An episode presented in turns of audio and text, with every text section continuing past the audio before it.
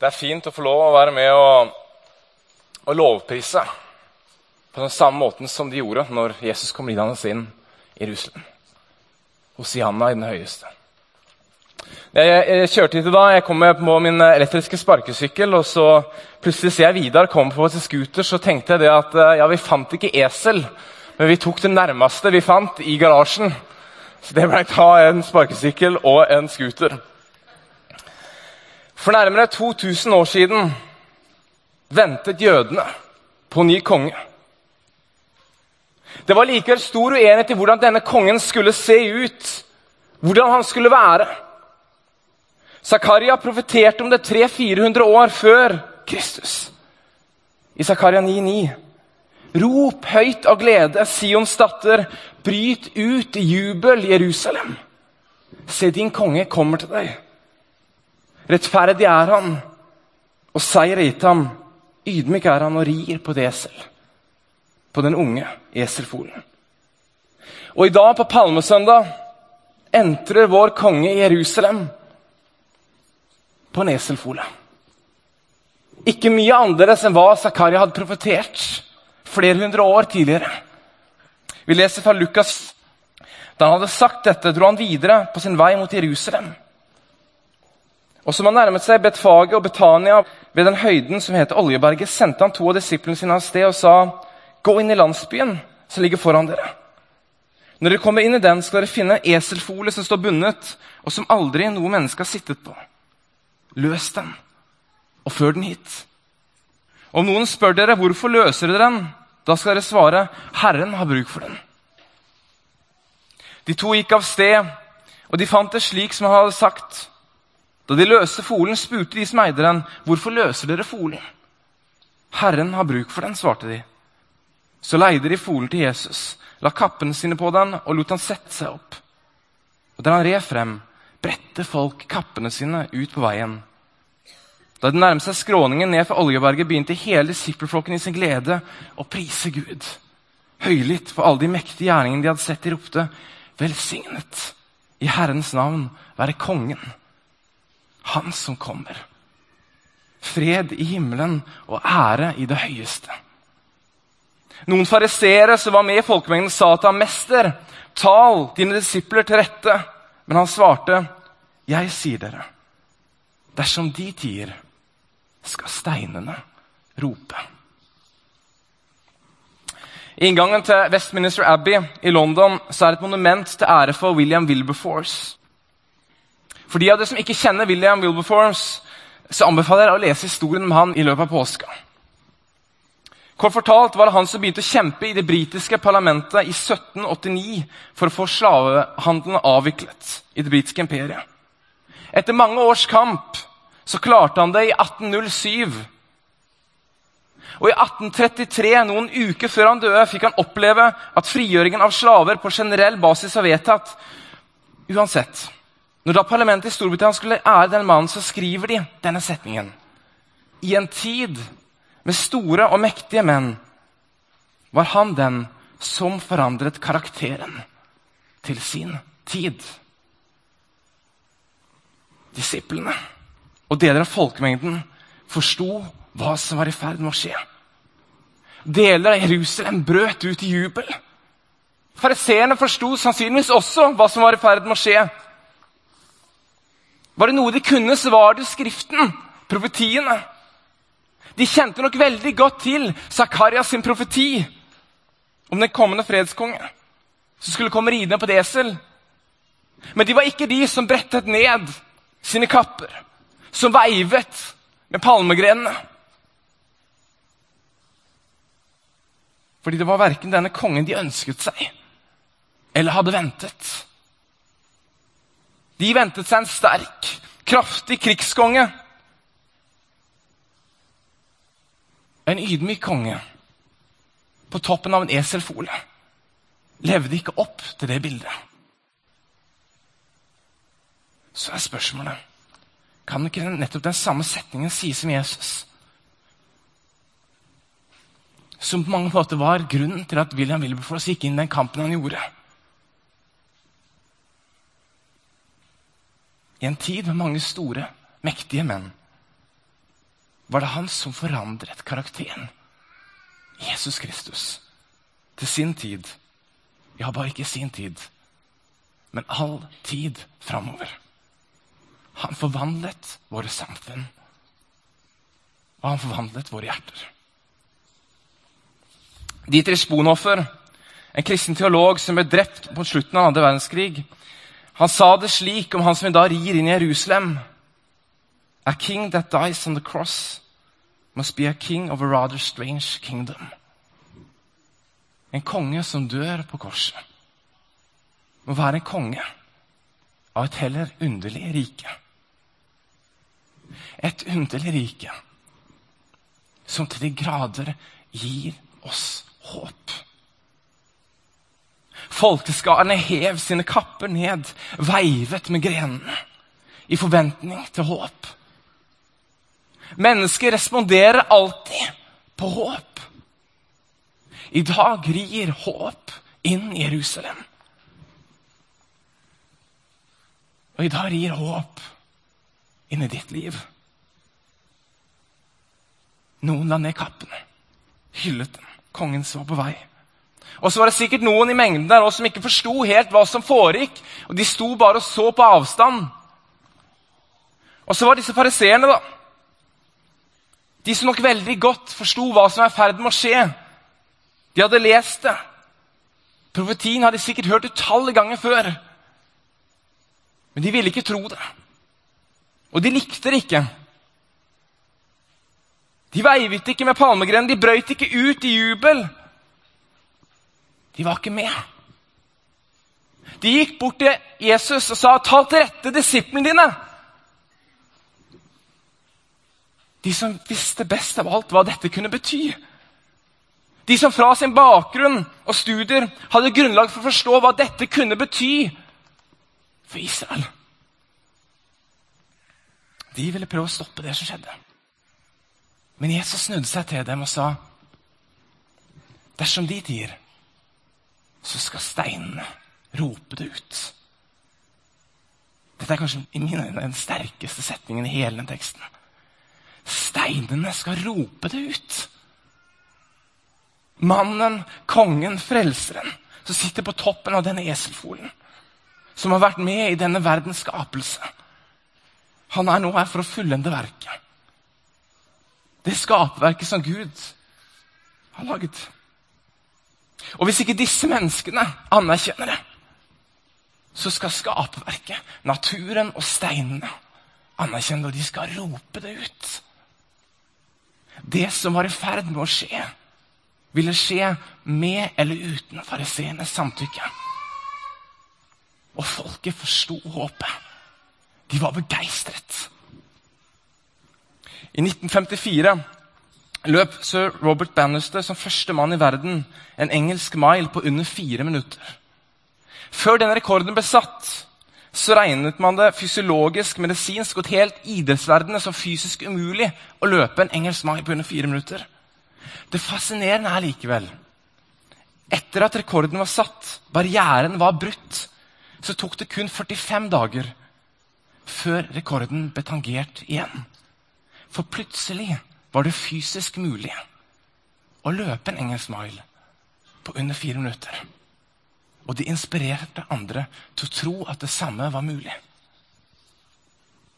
Du ser, håp gjør noe med oss. Det gjorde det med Jesus. Og det gjorde det med folkeskarene som nå ser kongen sin ri inn i Jerusalem. Og det gjorde definitivt det med disiplene som fikk vandre med ham. Ikke minst etter oppstanden, som de forsto det at døden er ikke slutten. Døden er overvunnet. Og vi skal få lov å treffe mesteren vår igjen. Vår venn og vår frelse. Du må huske at disse disiplene, flesteparten av de, endte opp med å gi sitt liv. Fordi håpet de sjøl fikk en del i. Dette var de villige til å gi alt for. For at andre skulle få del i det samme. Hvorfor? Fordi de mente at budskapet og nyhetene de bærte med seg, var en så essensiell verdi at det fikk koste det det kostet.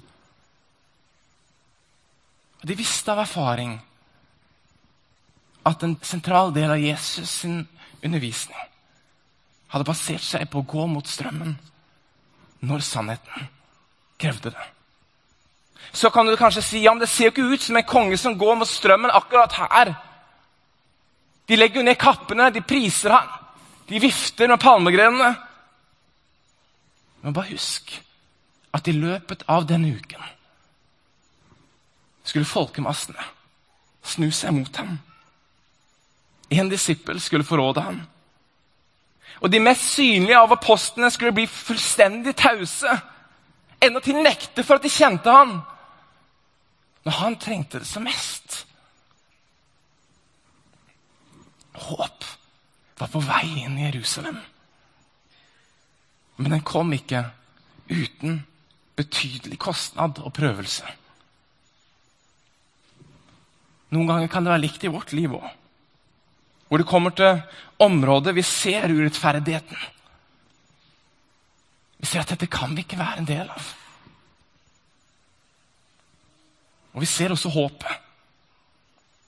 Vi vet dette kan vi ikke leve med.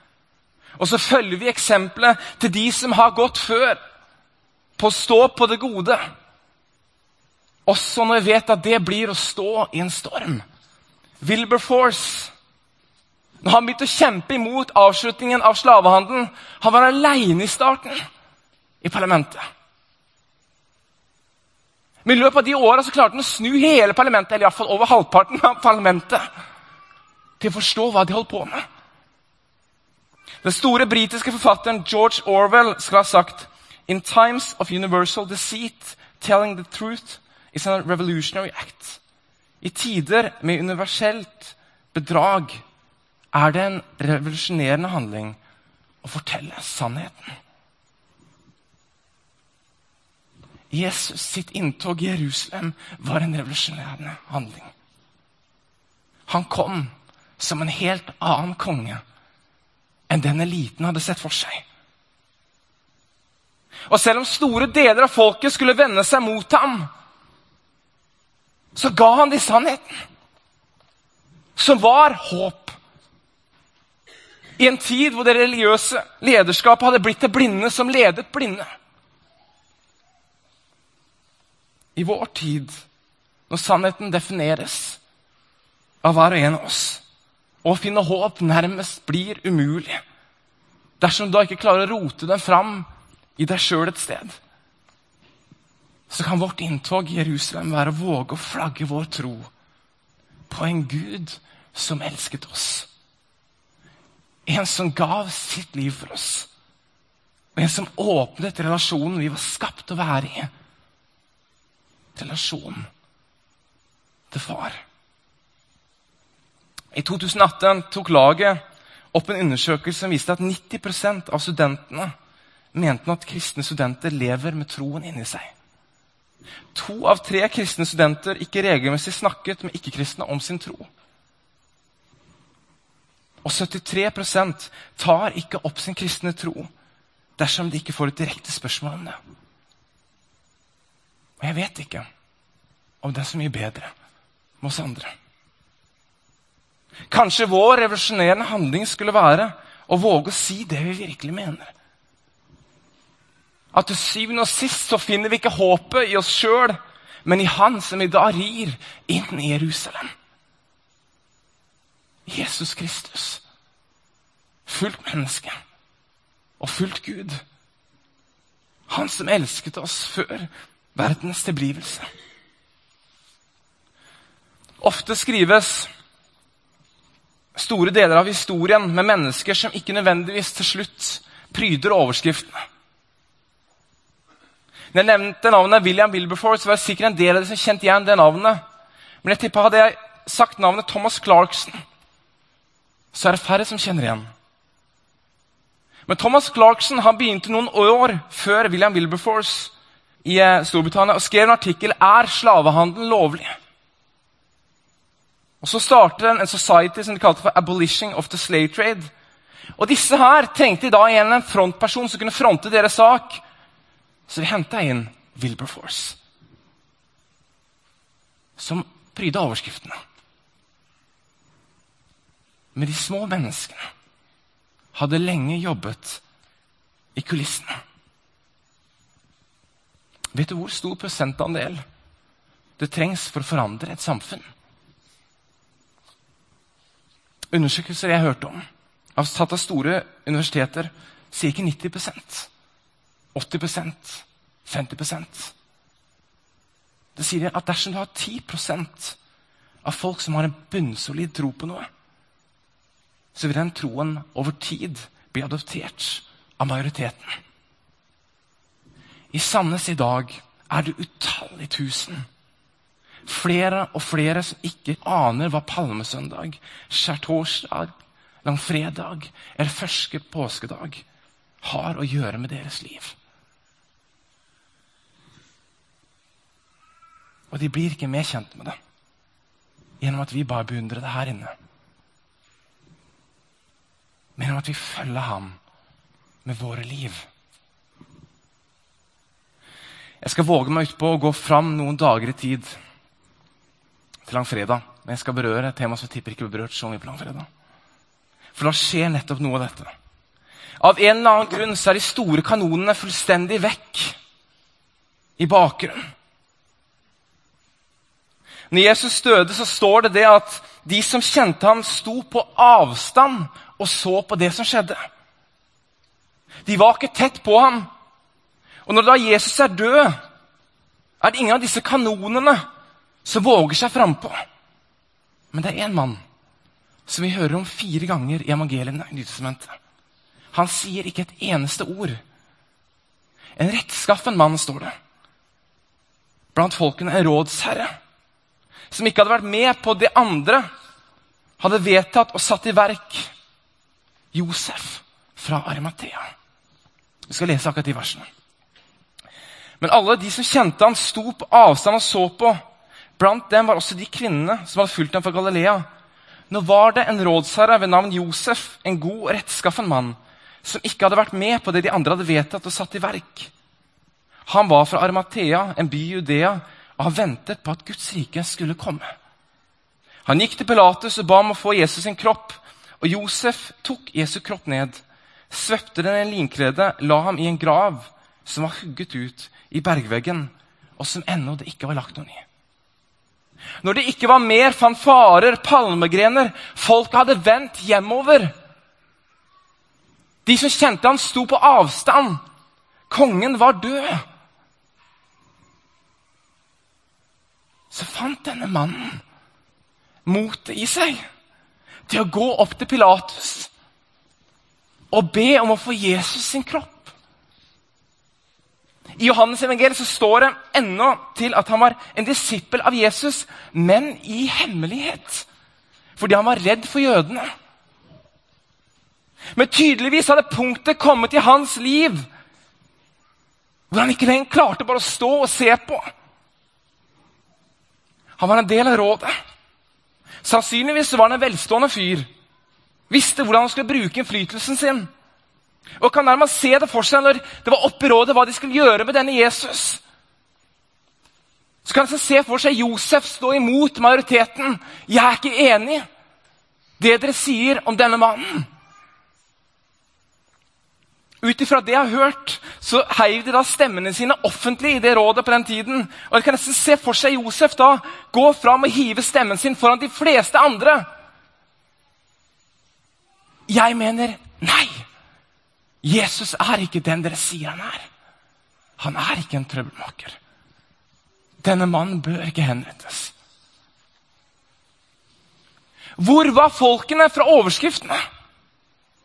De som aldri skulle forlate ham. Alle de som kjente ham, sto og så på på avstand. Josef fikk med seg Nikodemus, svøpte han i et linklede og gav ham en grav. Josef av Arimathea så dette veikrysset i historien. Den tilbakeholdne Josef ble til den modige Josef. Kongen var død, men Josef ville gi ham ære. Og han gikk fra å være en hemmelig beundrer av Jesus til å bli en etterfølger av ham, der han bærte Jesus sin døde vekt i sine hender til graven. Hør på disse setningene fra Søren Kirkegård. Forskjellen mellom en beundrer og en etterfølger forblir uansett hvor du er. Beundreren gjør aldri noen sanne offer. Han spiller alltid trygt.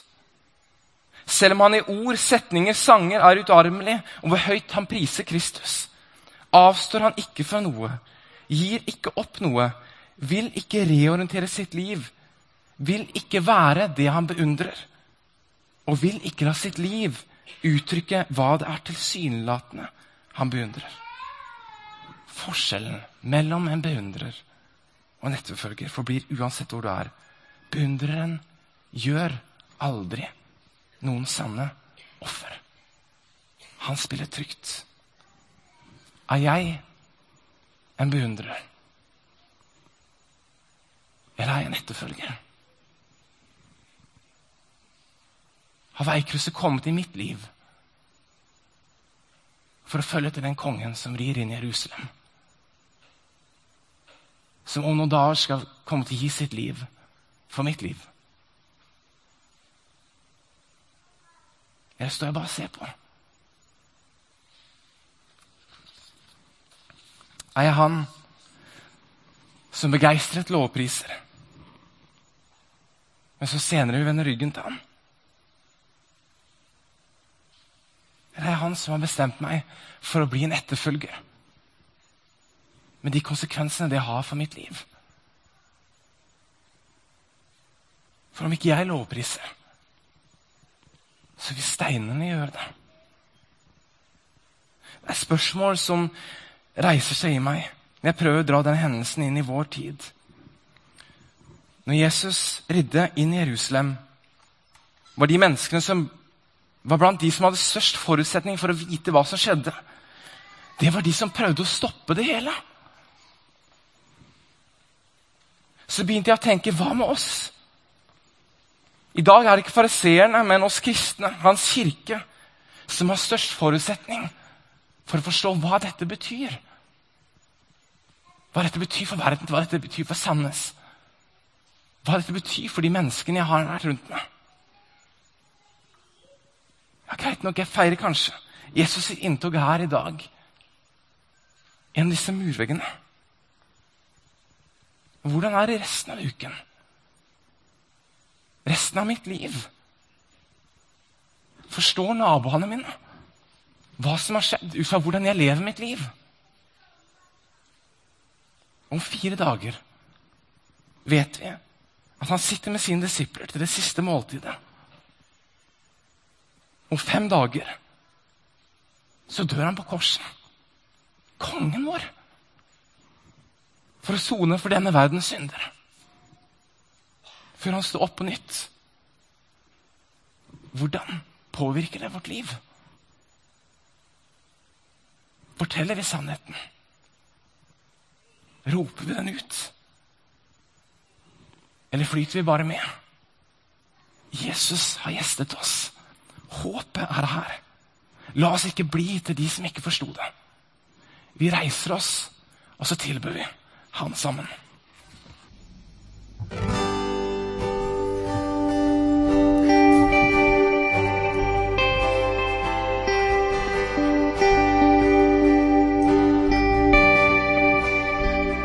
Mitt hjerte ser til Golgata.